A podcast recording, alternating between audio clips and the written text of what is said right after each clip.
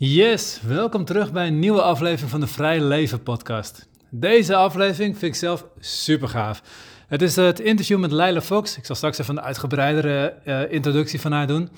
Zij is mijn eigen haptotherapeut. Zij is de dame waar ik elke twee maanden heen ga om weer een nieuw stukje mezelf te ontdekken. Ik ben gelukkig, ik heb een heerlijk leven.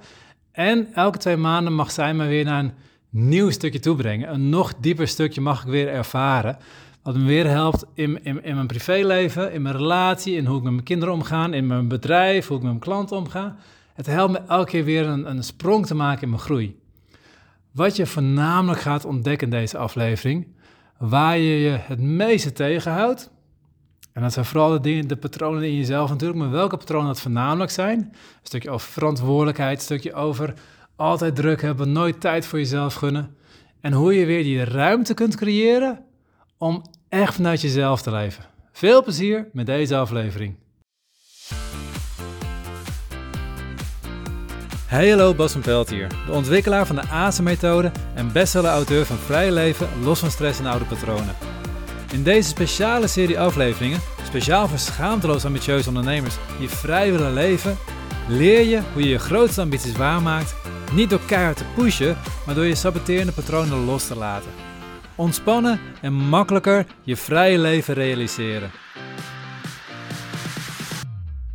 Hey hallo, welkom bij dit uh, geweldige interview dat ik mag hebben met Leila in een geweldig nieuwe setting ook. Dus ik hoop dat je hem kunt waarderen. Um, Leila is, ik, ik ga er eventjes kort de introductie geven. Leila is mijn therapeut. En dat, dat, ik wou zeggen mijn haptotherapeut, maar dat is al lang niet meer. Ze heeft een, eh, een achtergrond in de haptherapie, heeft een stuk systeemopstellingen, eigenlijk veel breder. En het mooiste wat ik zelf aan haar vind, is dat, dat als ik bij haar voor een sessie ben, dat het niet zozeer gaat om, om de technieken die ze allemaal beheerst, maar het gewoon echt om mij gaat en wat er bij mij speelt. En ja, daar ik zou bijna zeggen dat dat dans je een beetje omheen om mij steeds precies de juiste duwtjes of trekjes of, of, of een stukje ruimte te laten ervaren, waardoor ik vervolgens mijn stappen mag maken. Um, ja, dus, dus om nou te zeggen, ze is mijn therapeut, doe ik je, geef ik inderdaad je rol aan, maar doe ik je eigenlijk geen recht mee. Hoe zou ik jou mogen benoemen als ik jou mag voorstellen aan iedereen? Ja, ik denk eigenlijk toch gewoon Leila.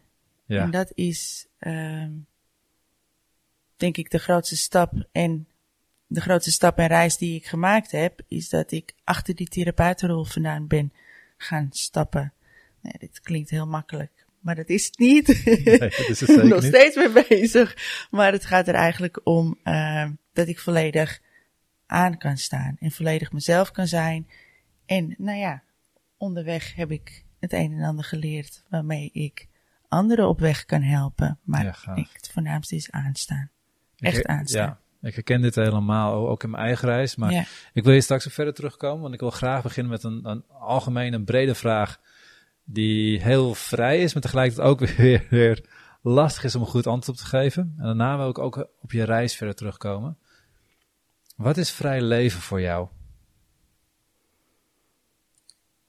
Dat gaat um, vrij leven gaat voor mij, en het is eigenlijk ook wat ik doe in mijn werk en waar ik anderen mee help. En waarom wij zoveel raakvlakken met elkaar um, hebben, um, gaat erom dat je je leven in kunt vullen zoals jij dit wil. Ja. En dat is denk ik eigenlijk de kern. Ja. En met zoals jij dat wil, hoe, hoe bedoel je dat? Hoe, hoe merk je, wat, wat merk je daar in, in jezelf, in cliënten, waar ze de meest, het, het minst eigenlijk het doen vanuit zoals ze het zelf willen, waar ze makkelijker uh, die ruimte ervaren? Um, eigenlijk neigen we heel veel op de automatische piloot te doen. En staan we daar niet echt bij stil.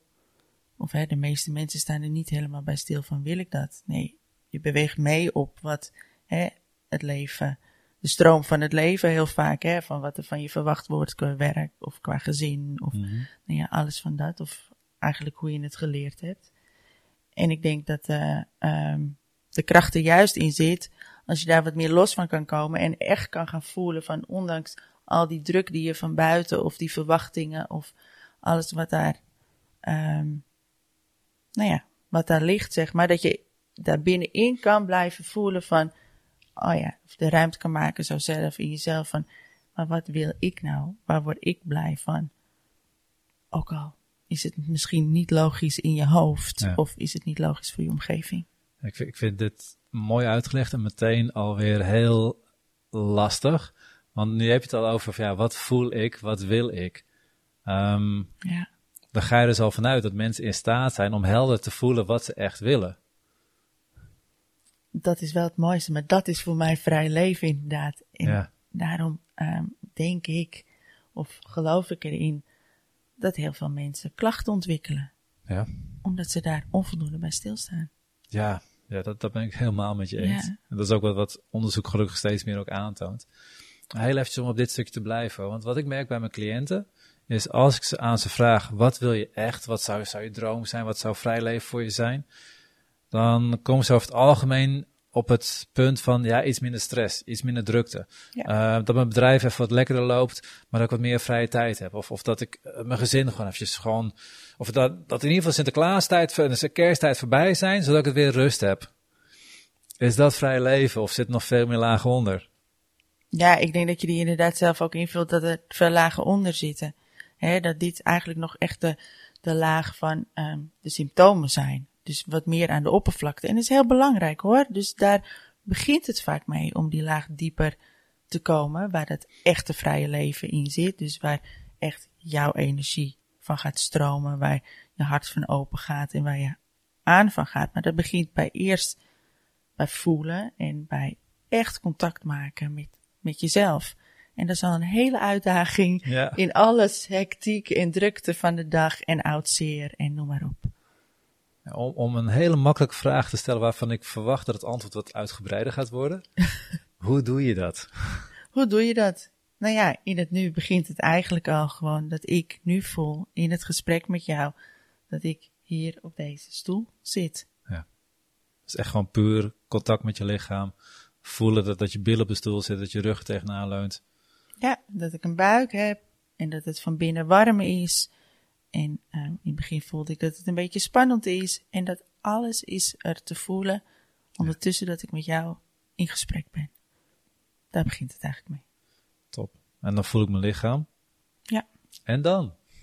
En dan? En dan gaan we kijken van wat er nodig is. Ja. Ja. Ja, ik, ik ken dat in de sessies met jou. Ehm, ik heb aardig wat sessies met, met Leila mogen meemaken. En het gave is dat, dat, dat je altijd inderdaad iets ontdekt. Of zit hier nog een stukje spanning. Of ik merk dat ik daar nog iets, iets mijn best aan het doen ben. Dat is eentje die ik heel veel van je teruggekregen heb. Eh, dan lig ik en dan, dan, dan proberen we mij ontspannen te krijgen. Tenminste, ik probeer te ontspannen. En dat is het eigenlijk wel. Ik probeer te ontspannen. Oh ja, ik ben zit in bij Leila. Ik moet ontspannen. Ontspan, ontspan, ontspan. Maar dat werkt natuurlijk totaal niet. Ehm, en vervolgens probeer je daar, daar, daar een stuk, stuk weg in te vinden. En dan merk jij gewoon aan van, hé, hey, zit hier iets? Wat, wat, wat merk je hier? Wat voel je daar? Maar daar zit eigenlijk die essentie. Het is niet alleen maar gewoon dat je het kan voelen wat er zit, maar dat jij, jij stuurt mij om door te vragen, met, met je vragen, met, met je aanrakingen van, hé, hey, wat merk je hier? En, en soms, soms geef je gewoon ook een open vraag van, hé, hey, wat voel je daar? Of, of soms wat meer sturende vraag van, hé, hey, ben je niet een beetje te veel je best aan het doen? Ja. Ja, eigenlijk gaat het er constant om, om ehm, de uitnodiging te scheppen om volledig je ruimte in te kunnen nemen. Ja. Dat is eigenlijk wat, hoe ik werk en, en, en wat ik doe. Is, ehm, en dat begint natuurlijk altijd bij jezelf. Hè? Op het moment dat ik al sturend of vanuit mijn hoofd, zeg maar, contact maak, dan bied ik jou al niet de ruimte, zeg maar, om volledig jouw ruimte te kunnen benutten en te gaan onderzoeken in jezelf.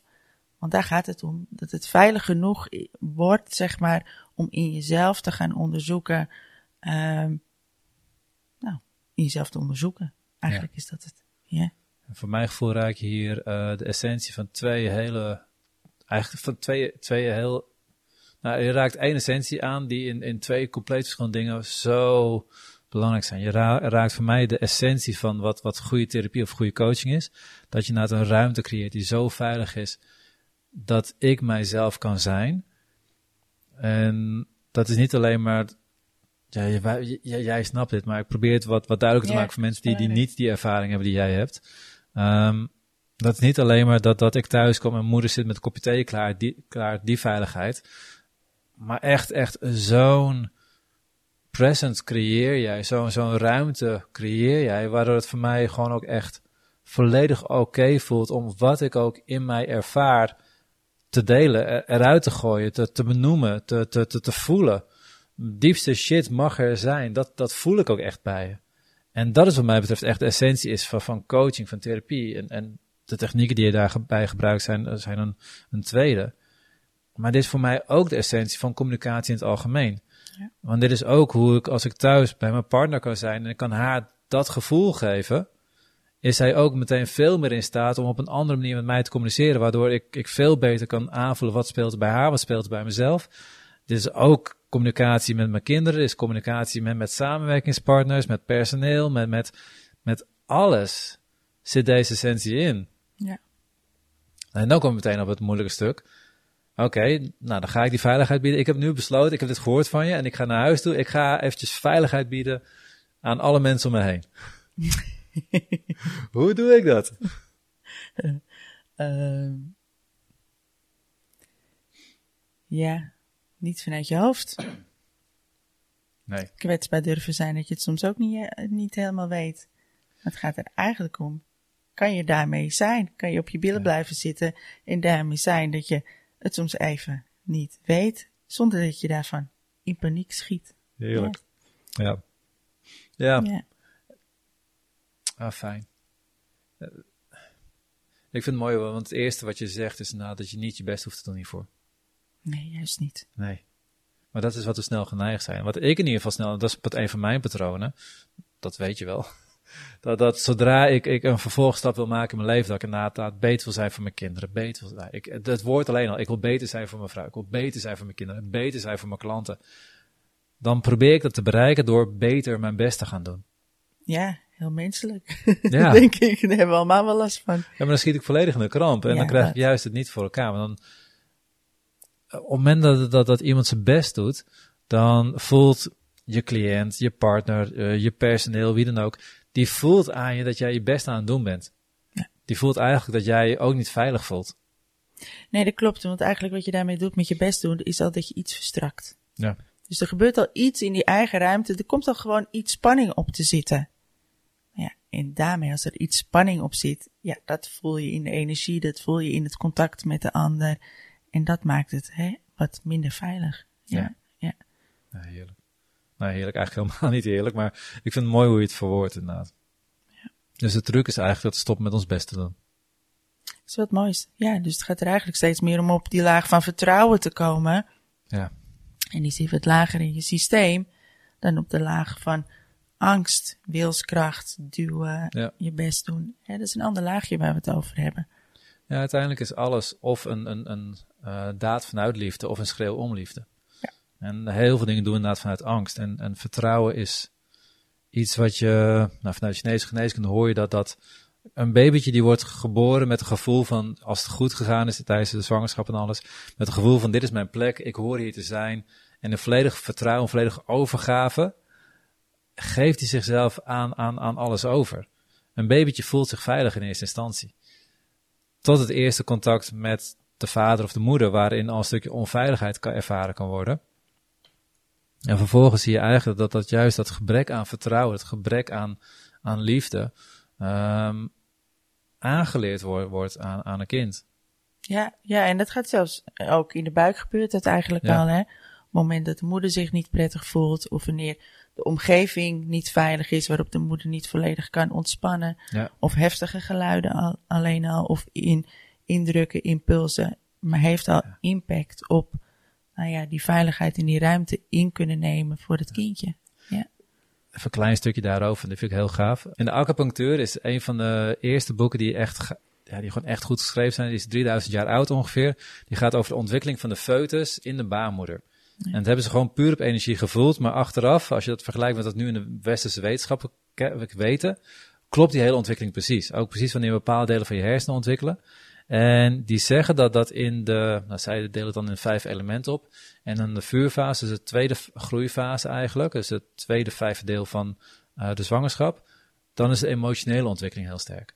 En dan wordt ook afgeraden aan, aan, aan moeders, aan, aan aankomende moeders, om heftige emotionele dingen mee te maken. Dus moet je dus ook eigenlijk geen, geen heftige thrillers gaan kijken, heftige series gaan kijken. En westers kunnen dat tegenwoordig onderbouwen. Want op het moment dat jij in heftige emotionele dingen zit, of een heel heftige, spannende film of spannend boek zit te lezen, dan gebeurt er van alles in jouw eigen systeem. En gaan allemaal stofjes aanmaken. Al die stofjes komen in je, in je bloed. Je gaat veel meer cortisol aanmaken, veel meer adrenaline aanmaken. Dat komt allemaal in je bloed. En als verhoogde percentages van dat in je bloed zit, dan komt dat ook in het bloed van een baby terecht. Waardoor die hersenen ook echt daadwerkelijk op een andere manier ontwikkelen ook al. Dus er ontstaat en in die foetus, of, of in die embryo, nou, foetus is tegen die tijd volgens mij, ja, foetus, ontstaat al een bepaalde uh, uh, ja, voorkeurschakeling voor een bepaalde mate van stress wat ze in hun leven ervaren. Ja, dat wordt zeg maar gewoon dan, of ja. vertrouwd, hè. Maar uh, het mooie is denk ik, dat als je dus als mens zijnde, of als moeder zijnde, kan gaan durven vertrouwen, eigenlijk weet je dit allemaal van binnen wel. Ja. En dat is zo mooi. Hè? Dit gaat al zo eeuwen oud ver terug. Alleen in onze westerse maatschappij willen we het heel graag weten. En dan weten we dat het in die fase zo is. Dus dan gaan we daarna handelen. Maar dan gaat die via het hoofd naar beneden. Maar ik denk juist, ga er maar wat meer mee zijn. En heel vaak, het klopt gewoon. Het klopt gewoon dat jij in die fase van je zwangerschap of op dat moment van je leven die behoefte voelt. Ja. En dan kom je op een heel lastig stukje, want ja. eigenlijk in je hele, hele jeugd word je afgeleerd om op je gevoel te vertrouwen. Ja. De hele maatschappij is gericht op dingen snappen, dingen kunnen, dingen weten. Ja. Dat is allemaal in je hoofd. Ja, is ook zo. En ik, ik, ik wil nu niet een hele discussie starten over wat er mis is met het schoolsysteem in, in, in uh, de wereld kunnen we zeker een andere podcast aanwijden. Ik het ook. um, maar wat ik wel zie bij, bij allemaal cliënten ook, en, en of ze nou uit een depressie komen, uit een burn-out komen, of dat ze gewoon ontzettend lekker gaan hun hele leven, in een carrière, in een bedrijf en, en next level willen gaan, uh, nog een volgstap willen maken. Maar uiteindelijk komt het altijd neer op dat ze te veel in hun hoofd zitten, te veel bezig zijn het, het te kunnen vooral. Ze proberen het te doen in plaats van het te zijn. Ja het is ook gewoon reeds spannend. Ja. Om volledig te mogen zijn en dus ook weer in het niet weten te komen, terecht te komen. Ja. En um, nou ja, daar kom je natuurlijk vaak op een oud stukje. Want ook ouders, en als ouders zijnde ook, jeetje, hoe ga je daarmee om? Het niet weten en het ook soms niet weten voor je kind, maar daarmee wel aanblijven. En dat te dragen en niet in die stress te schieten, daar zit een grote spanning op. Ja, dat je wel echt die connectie blijft houden. Ja. Dit is wel een mooi stukje, want even over therapie gesproken ook, is dit de pure essentie. En dit is een stukje wat ik bij jou af en toe mag ervaren. Ik mag soms voelen dat jij het gewoon niet weet waar het heen gaat. Ja. Alleen dat je daar tegelijkertijd daar volledig vertrouwen in hebt. Dat het, het oké is dat je het niet weet. Waardoor het voor mij ook weer oké voelt om het niet te weten. Maar dat is echt de pure essentie.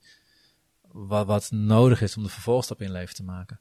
Ja, het juiste dient zich dan vanzelf aan. Dat, is, het, dat is het hele wonderlijke ervan. Um, maar ja, dan zit je dus wel in de fase even van het niet weten en dat te hebben te dragen. Maar, ja. Ja. Maar dit merk ik, ik mag dan ook een aantal uh, therapeuten opleiden. Ik heb ook vaak, vaak een nascholing gegeven. Ook genoeg stagiaires gehad. En wat ik steeds merk is dat ze heel erg hun best doen om het te kunnen om het te weten voor de cliënt. Om het de juiste richting te geven. Ja. Dat als de cliënt binnenkomt, dat ze een gevoel hebben van oké, dit, dit speelt er allemaal. Oké, ik heb nu dit gevraagd, dat gevraagd, dat gevraagd. Dus dat zal ongeveer zitten. Nou, dan moet ik dit gaan doen. Of ik moet dit voor elkaar krijgen. Ja, het is zo. Hè, en dat hebben we natuurlijk ook heel erg aangeleerd. Dat het zo um, spannend is dat je je geen. Um, geen ruimte gunt om fouten te maken. Maar ja, wat zijn fouten? Eigenlijk is het ontdekken van wat grenzen zijn. En dat is ook onderzoeken. Ja. Maar dat, dat stuk, dat gunnen we onszelf vaak te weinig. Ja, dat is zo. Ja. Die herken ik wel. Ik ook. Vandaar. In mijn therapie voel ik daar steeds meer ruimte voor om, om volledig gewoon echt vrij te zijn naar mijn cliënten. En gewoon, ik, ik hoef het niet te weten. Ik, ik hoef niet, ik hoef mijn cliënten niet eens verder te helpen. Ik hoef alleen maar te zijn.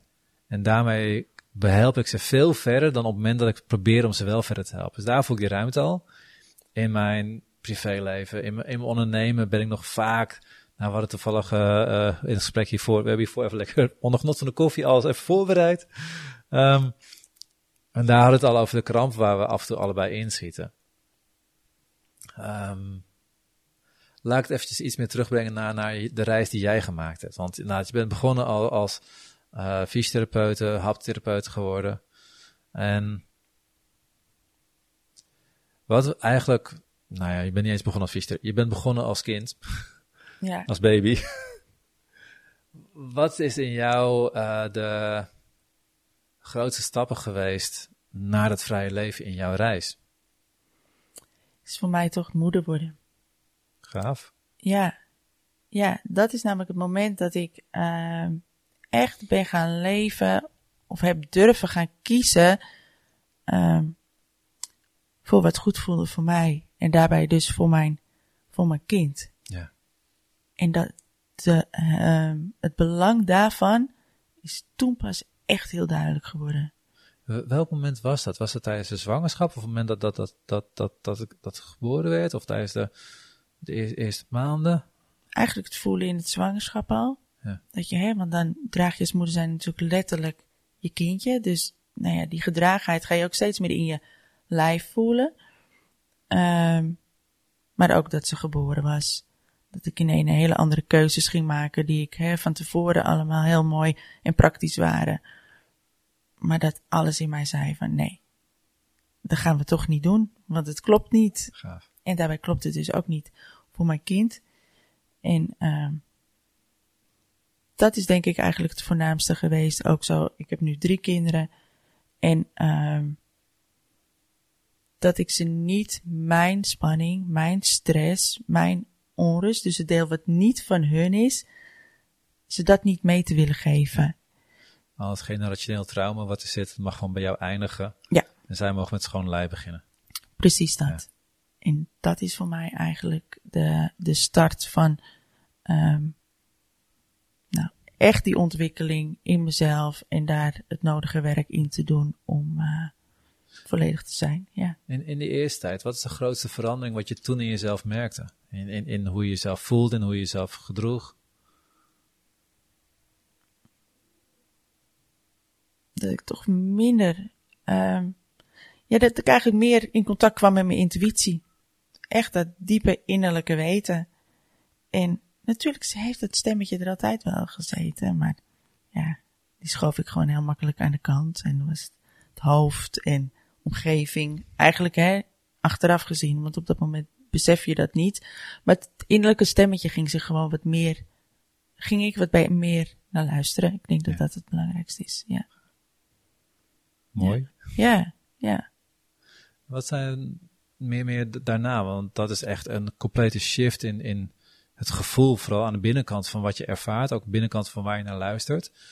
Maar als we dan even wat meer concreet naar de buitenkant zetten, welke, welke verschillen merkte je daarin? Nou ja, ik had, daar ga je dan vanzelf ook je leven heb je op in te richten. En ik had al um, vanuit mijn werk als fysiotherapeut zo de shift wat meer gemaakt. Want daar was ik al eerder op vastgelopen. Um, had ik een burn-out van gekregen. En um, omdat ik iedereen beter moest maken. Dat was namelijk ja. mijn, mijn rol. Heel gek. Maar nou ja, ieder, hè, toen leerde ik van hé, hey, iedereen heeft zijn eigen verantwoordelijkheid.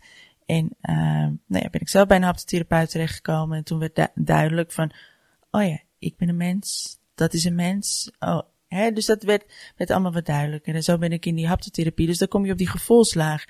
Dus waar het eigenlijk over gaat is dat, um, dat je vanuit dat innerlijke gevoel bij jezelf, dat je vanuit die behoefte ook je leven eigenlijk in gaat richten. Ja. En nou ja, dat is haptotherapie geworden. En dat is toen zelf ondernemer gaan worden. Nou ja, en daar groei ik persoonlijk zelf enorm van. Dus dit is, ja, vind ik te gek om nu te doen. Ja. Ja. Oh, gaaf. Ja. Vooral die, dat ondernemer worden, die is voor mij een gigantische shift verandering geweest. Um, vanaf dat moment, weet je, zolang je in loondienst bent, en dat is prima, dan kan je ontzettend ontwikkelen. Tenzij je een type bent zoals ik vroeger was, die zich meer verschuilde achter zijn loondienst, die zich meer uh, zwakker voelde, die zich meer afhankelijk voelde. Als je dan nog in loondienst zit, dan, dan hoef je nooit echt de stap te maken. Je hoeft nooit echt ergens vol voor te gaan. Want alles komt je wel aan en je mag gewoon vakinhoudelijk mag me ontwikkelen, maar ik hoef nooit echt de, de volledige verantwoordelijkheid te dragen. Ja, en ik denk dat je daardoor ook, maar dat weet ik, ja, nee, dat weet ik wel, dat je op een bepaalde manier ook niet volledige voldoening ja, klopt. eruit kan ja. halen. Ik werd er op een bepaalde manier toch ook heel onrustig van. Ja.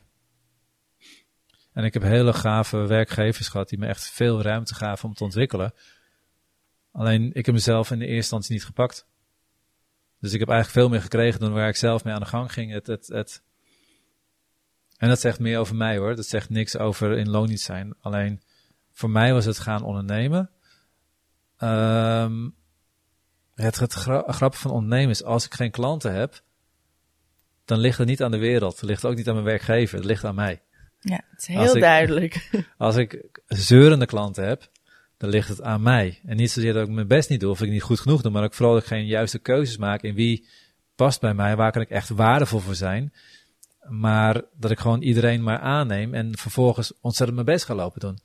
Dus zeurende klanten, geen klanten, te veel klanten, uh, uh, uh, niet goed betalende klanten. Wat dan ook, verkeerde samenwerkingspartners, verkeerde verwijzers, geen verwijzers.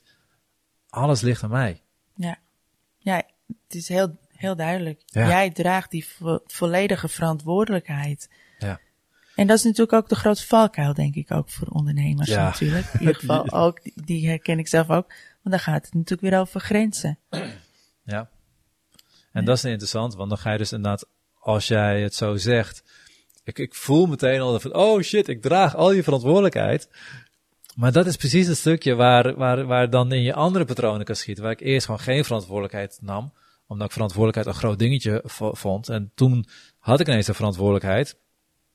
En toen vond ik ook dat ik die verantwoordelijkheid serieus moet gaan nemen. En dan word je helemaal, dan ga je daar weer, weer extreem je best in doen.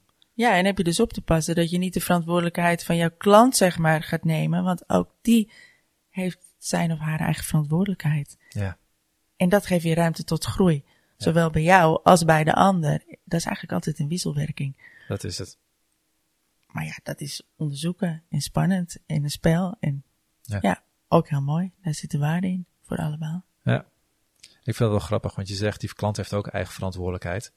Um, alleen wat ik heel veel bij mezelf gemerkt heb, dat ik antitherapeut gemerkt heb, maar, maar, ook, ik, ik werk met veel meer ondernemers. Um, en dan zie je dat, dat überhaupt al uh, de vraag of je een keuze mag maken voor een bepaalde klant, of beter gezegd dat je gewoon nee mag zeggen tegen een klant, daar zit al zoveel achter. Gewoon alleen als je naar op dat stukje inzoomt. Um, wat is het eerste wat jij daarbij, daarbij ziet bij mensen? Ja, het gaat ook heel erg over mezelf, waar ik dan naar kijk. Van hoe ik, doe ik dat in het ondernemen. En het gaat eigenlijk ook over jezelf gunnen. Ja. Mag ik kiezen voor de mensen met wie ik wil werken? Um, mag ik ervoor kiezen met, ja, te willen werken met een bepaald soort klant die mij past. Ja. Dus het gaat weer over die eigen behoeften en die de ruimte kunnen geven. Ja. En gun ik mezelf dat? Kan ik mezelf dat gunnen? Ja, dat is wel gaaf, want hij is, hij is nog groter zelfs. Mag ik kiezen voor die klant? Mag ik ook kiezen voor die samenwerkingspartner, voor dat personeel? Ik had gisteren met mijn vrouw, uh, ja, je kent Karin, um, over die die had ook een klant van haar die vertelde, die was bezig um, een stukje visieontwikkeling te doen met het hele bedrijf. En die heeft nu een bedrijf waar compleet verschillende mensen in werken. En die wilde dat, dat op lijn krijgen.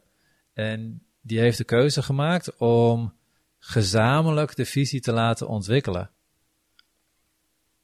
Die vind ik interessant. Ja. Ja, het, is ook, het vraagt ook wel wat lef. Jazeker. Ik vind hem ook, in die zin vind ik hem ehm, stoer om het, het, het op die manier gedragen te laten worden.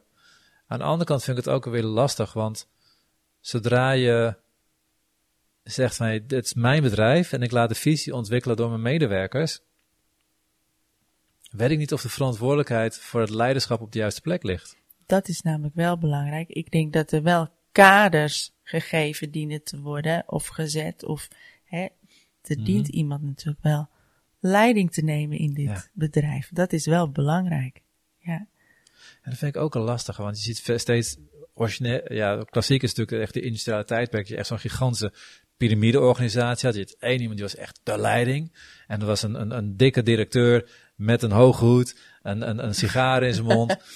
Echt het klassieke plaatje, maar zet hem die even op die manier neer. Dan heb je tegenwoordig een platte organisatie veel meer in, in, in cirkels functioneert, waarbij elke cirkel een eigen verantwoordelijkheid heeft. Ehm, maar binnen die cirkel iedereen die verantwoordelijkheid mag pakken. Dus ik vind het interessant in, in die ontwikkeling van, hé, hey, maar wa- wanneer hebben we het nog over het leiderschap van, van de ondernemer? Uiteindelijk is er iemand natuurlijk verantwoordelijk voor het bedrijf. Dus dient die wel, denk ik, een bepaald soort overzicht van het geheel te hebben. Ja. En verbinding is heel belangrijk. Ja. Ik denk dat wel, hè, dat je elkaar dient aan te voelen en kunt aanspreken en uitwisselen met ieder zijn verantwoordelijkheid. Maar degene van wie het bedrijf is, ja, die heeft het wel nodig om dat vanuit een soort van helikopterview te kunnen overzien, het geheel. En wat ik wel gaaf vind, is dat je eigenlijk eh, een heel duidelijk verschil maakt, zonder het echt, echt zo te noemen, tussen dominantie en leiderschap. Dominantie is na het veel meer dat je zegt van ja, maar ik bepaal hoe het gaat. Maar jij begint om meteen die verbinding te benoemen. Ja. En op het moment dat je het over die verbinding in, in, in het samen zijn, daar treedt leiderschap op. En dus leiderschap, dat, ja, ik zie het, zie het al, al als ik een dans zie. Of, of zoals ik in Wing Chun, m- m- mijn vechtsport zie. Nou, jij bent ook een vechtsport, dus jij kent het ook wel. Het is een dans waarbij je ehm, leiding geeft zonder echt, echt te dwingen. Je, je, je voelt een beweging, je voelt een bepaalde richting waar iemand heen wil. En je vangt die richting op en je checkt van, hey, is dit de richting waar ik ook echt met het geheel heen wil? En vervolgens mag je daar een stukje extra sturing aan geven, zonder iemand ehm, helemaal aan dansen. Is het, is het zonder dat je iemand gewoon bepaalt van, nee, we gaan nu die kant op. Dan is het geen mooie dans meer. Nee, en dan gaat het weer, dan komen we weer terug, dan gaat het dus echt weer over kracht. Dat is het grote valkuil. Gaat iets op kracht of gaat het vanuit een innerlijke beweging en ehm, kan je uitnodigen de ander ook de ruimte in te nemen of de beweging te maken op de kant die, nou te kijken of je samen op kan. Of dat het even zoeken is samen van Ja, wat, gaaf. eh, ja, welke kant het op gaat. Ja. ja. Ik hoorde van de week in een podcast een mooie uitspraak. Ehm, betere mensen maken betere leiders. Binnen een bedrijf ging het over. Ja, Hoe, hoe voelt die voor jou? Ja, ik vind het een hele mooie, want voor mij zijn ehm, betere mensen, mensen die volledig zichzelf durven te zijn, met alles erop en eraan. En als je geen verborgen agenda hebt, Ja. dan ben je naar mijn idee een betere leider. Ja. ja. Ja, dit is, ah, het mooie is, want dit zijn vrij duidelijke eh, inzichten zo. Alleen het zit zo subtiel, dat verborgen agenda. Het tuurlijk. verborgen agenda is over het algemeen gewoon puur alleen al dat ik het gevoel heb dat ik een klein beetje onzeker voel. En vanuit mijn onzekerheid ehm, wel wil dat, dat jij mij bevestigt. Ja. Alleen dat al zorgt ervoor dat ik op zo'n andere toon mijn, mijn, mijn managementfunctie uitvoer. Of op zo'n andere toon naar mijn cliënt kijk. Of op zo'n andere toon met mijn vrouw praat. Ja, dat klopt ook. Ik denk ook dat dat zo is. En ik denk dat we, ehm, ik betrap mezelf regelmatig op een verborgen agenda. Mhm. Ehm, maar omdat ik de signalen ervan steeds beter herken in mijn eigen lijf en in mijn eigen systeem en gedrag, ehm, weet ik ook beter wat ik nodig heb. Dus gaat, gaat er eigenlijk een belletje rinkelen van, hé, hey, Ja. daar klopt hij niet helemaal meer. En dan gaat het erom ehm, dat je dat kan delen en durft te gaan uiten. Net als dat ik gisteren bij aan de bel trok om te melden van, hé hey Bas, ik zit een beetje hoog. Laten we het gewoon, misschien kunnen we even tijd samen hebben voordat we het gesprek ingaan. Ja. Nou ja dat is ook zo'n stukje dat je net merkt van, hé, hey, het zit net te veel spanning. Ik heb iets nodig. Ja, hey, dit is die, help. die, die volwassenheid of persoonlijk leiderschap, of hoe je het wil noemen. Dat, dat je voelt het en je weet dat je iets nodig hebt. Ja. En dat je dat ook gewoon kan benoemen. En wat, wat ik, ik zie in mezelf helaas nog, nog, nog vaak, en ook dat is prima, maar wat ik ook bij heel veel cliënten zie en eigenlijk de hele wereld om me heen zie, is dat mensen voelen dat het iets niet helemaal klopt. En in plaats van dat te erkennen en te benoemen en daar ruimte voor te maken, gaan ze juist nog meer hun best doen. ja. Of nog meer overcompenseren ergens. En dat is natuurlijk helemaal niet gek. Want dat is zoals we het allemaal geleerd hebben. En dat is hoe het hele brein is ingesteld. En je hele zenuwstelsel en je hele, hè, je hele zijn in het nu. Ja. Ehm, alleen door daar bewuster van te worden, ehm, zijn er voldoende ingangen om anders te gaan leren doen. Ja, maar dat vraagt over een stukje bewustzijn en kwetsbaarheid. Ja, Ja, dat is het spannende. tuurlijk. En, ja. en dat, dat mijn ervaring daarmee is dat het vaak makkelijker is om gewoon even uit je setting te gaan en een aparte plek te, te, te vinden waar je dat, dat, die, die veiligheid kunt creëren. En voor mij is dat onder andere therapie bij jou, ehm andere leraar van me, maar ook gewoon, inmiddels heb ik het thuis ook in gesprek met elkaar en we zijn allebei op het punt dat we die veiligheid kunnen bieden aan elkaar ook. Ehm, maar als ik die ruimte niet opzoek, als ik niet bewust creëer, zolang ik in de situatie zit waar ik die kramp ervaar en in die situatie blijf zitten, blijf ik bijna ook altijd gewoon die kramp ervaren. Ja. Hoe ervaar, ervaar jij dat? Wat is voor jou jouw go-to manier om, om uit je kramp te komen? Ehm, ja, het meest waardevolle, zeg maar, wat de grote grens is, is dat je niet op die automatische piloot doorgaat. Want dan blijf je in zo'n cirkeltje, blijf je vaak Ja. hangen. Dus voor mij is het ook nodig om er af en toe even, even uit te stappen. Ehm, ik neem af en toe gewoon even een paar dagen even een hotel alleen. Oh, heerlijk. En dan ehm, ben ik even niet mama. Ja, En dan ben ik even geen partner. En dan komen er niet allemaal externe prikkels op mij af. En ehm heel vaak ga ik dan ook een beetje zo aan mijn bedrijf werken. Want dan liggen er allemaal dingen die hè, wat te veel in mijn hoofd gaan zitten. Want er is te veel. Dus dat zijn momenten voor mij dat ik even ga landen. Even het een en ander kan ordenen, verwerken. Ja. En dan stap ik. Ja, dus ik neem letterlijk wat afstand van. En op zo'n moment, eh, hoe werk je dan aan je bedrijf? Zit je daar nog steeds echt te kijken van waar wil ik heen? Wat ga ik oplossen? Hoe ga ik het aanpakken? Ik kan me niet voorstellen dat je op die manier erin zit, maar hoe, hoe is het? Want voor de duidelijkheid van, als jij dan echt die afstand neemt, echt die rust weet te vinden, wat is op die manier voor aan je bedrijf werken dan ook? Ja, sowieso moet het altijd een hotel met een sauna zijn. Oh, ik Dus- word erop blij van. Dus zo heb ik wel wat voorwaarden om. Het gaat in eerste instantie weer het met een andere bril bekijken, eigenlijk. Hè? Met een andere blik. Dus weer eerst zelf die ruimte innemen. En vanuit die ruimte. dan kijk je er ook heel anders naar. Dus dan kan ik veel beter weer. al mijn prioriteiten kan ik. krijg ik weer veel beter helder. In plaats van dat ik denk dat alles moet en alles zo goed mogelijk. Nee, dan krijg ik weer helder van. oh ja, waar wil ik naartoe? Wat ligt er eerst? Wat heeft aandacht nodig? Hoe wil ik de verdeling met privé, hè? Want dat is natuurlijk een hele belangrijke constant. ehm, dat je het afstemt met jouw leven. Want anders schiet je weer in de kramp en wordt het weer een stukje forceren. Dus dat Ja. wordt eigenlijk weer helder. En vanuit die energie kan ik weer hè, meer prikkels en meer druk kan ik dan weer, eh, Ja. weer aan. Als, als ik jou zo hoor, is het veel meer dat je gaat kijken van, hé, maar wie ben ik in dit hele verhaal? En veel minder met, met wat moet ik doen? Of wat, wat, wat moet er gebeuren? Het is echt steeds meer gericht op jouzelf dan op je bedrijf eigenlijk. Ja, ja, en dat klopt, dat klopt. En ik denk ook dat dat komt omdat ik iemand ben ehm, die heel graag groeit en ontwikkelt. Die behoefte die zit gewoon heel erg in mij.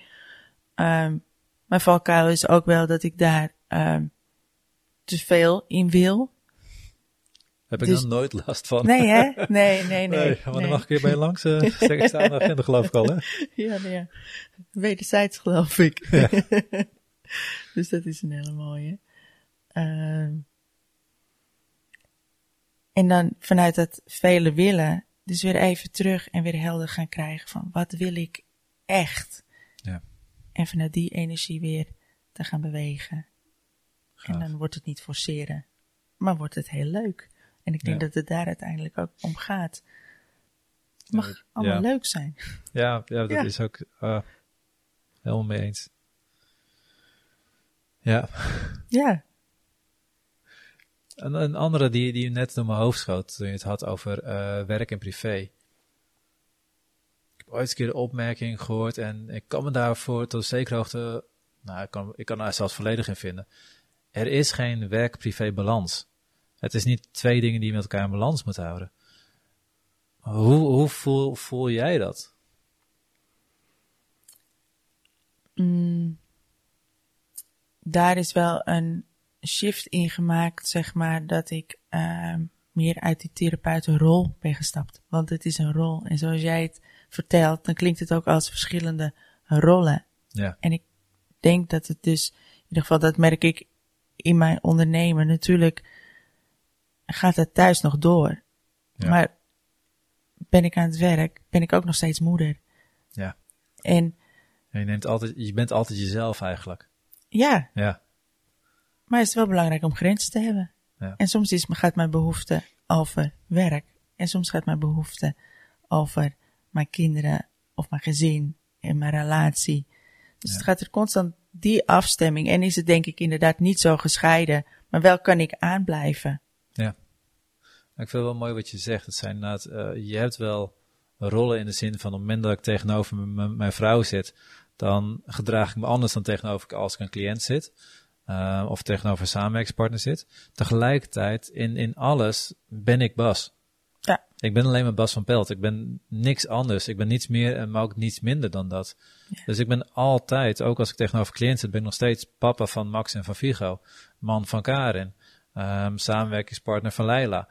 Ehm, wat ik ook doe, ik, ik, ik, ik neem mezelf daarin mee. En, en dan kom je op een stukje waar, waar we het voorgesprek over hadden, over jezelf gunnen. Gun ik mezelf om in die, in, in, in die, die functie of, of in die rol die ik op dat moment, moment mag neerzetten, om daarin volledig mezelf te zijn. Dat is vaak, ja, dat is denk ik de hele spannende en waar het spel constant eh, Ja, in zit. En ook de groei, hè. Want bij het groeien vraagt elke keer weer iets anders. ja, En ook iets anders om jezelf te gunnen. Maar ook direct iets anders voor het leven eromheen, zeg maar. ja, dat is ook. Ja, En dat is, ja, ja heerlijk.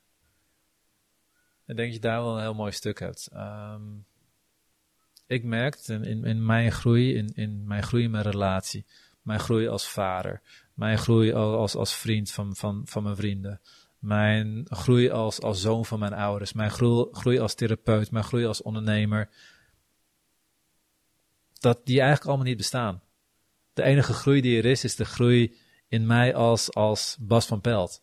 Ja. En hoe meer ik Bas van Pelt word, hoe meer ik, ik ruimte mag pakken en voelen en kan pakken en kan nemen als ondernemer. En mijn marketing, het gaat niet om omdat ik betere teksten leer schrijven. Het gaat erom dat ik mezelf meer durf uit te spreken. ja, Het gaat niet om dat, dat ik ineens ehm, trajecten creëer die nog waardevoller zijn. Of die anders in elkaar zitten met weet ik veel wat, wat, wat extra online training en extra dit en extra dat erbij. Het gaat erom dat ik trajecten creëer waar ik zoveel mezelf kan zijn. Zoveel ruimte kan bieden aan, me, aan mezelf en daardoor ook aan mijn cliënten. Dat zij vanzelf in een veel dieper laag terechtkomen en, en ook, ook, ook meer die, die sprong kunnen maken. ja. Dus het gaat ook echt over die waarde dragen, hè. Ja, En jezelf dat gaan, of jezelf dat gunnen om die waarde te dragen. ja. Ja, Ja, en dan heb je meteen, meteen weer het woord van, van iets kunnen dragen. Wat, wat voor ons heel normale woorden is, maar voor een gemiddelde ja. ehm, ICT'er een, een ander woord zal betekenen. Hoe bedoel je die? Hoe kun je die uitleggen? Nou ja, dan heb je het ook natuurlijk meteen over verschillende thema's komen aan bod. Bepaalde thema's kan ik wel goed dragen als het over gevoelens en emoties gaat.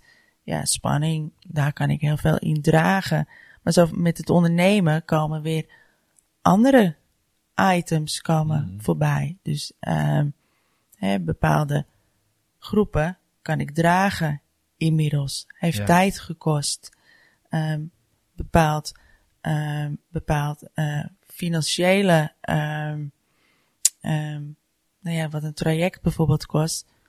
Nou ja, eerst kostte het dit, maar inmiddels kan ik dit dragen. Dus bepaalde thema's, items, Ja. vragen weer iets anders bij. En wat gun je jezelf daarin? En wat past bij jou op dat moment? Ja.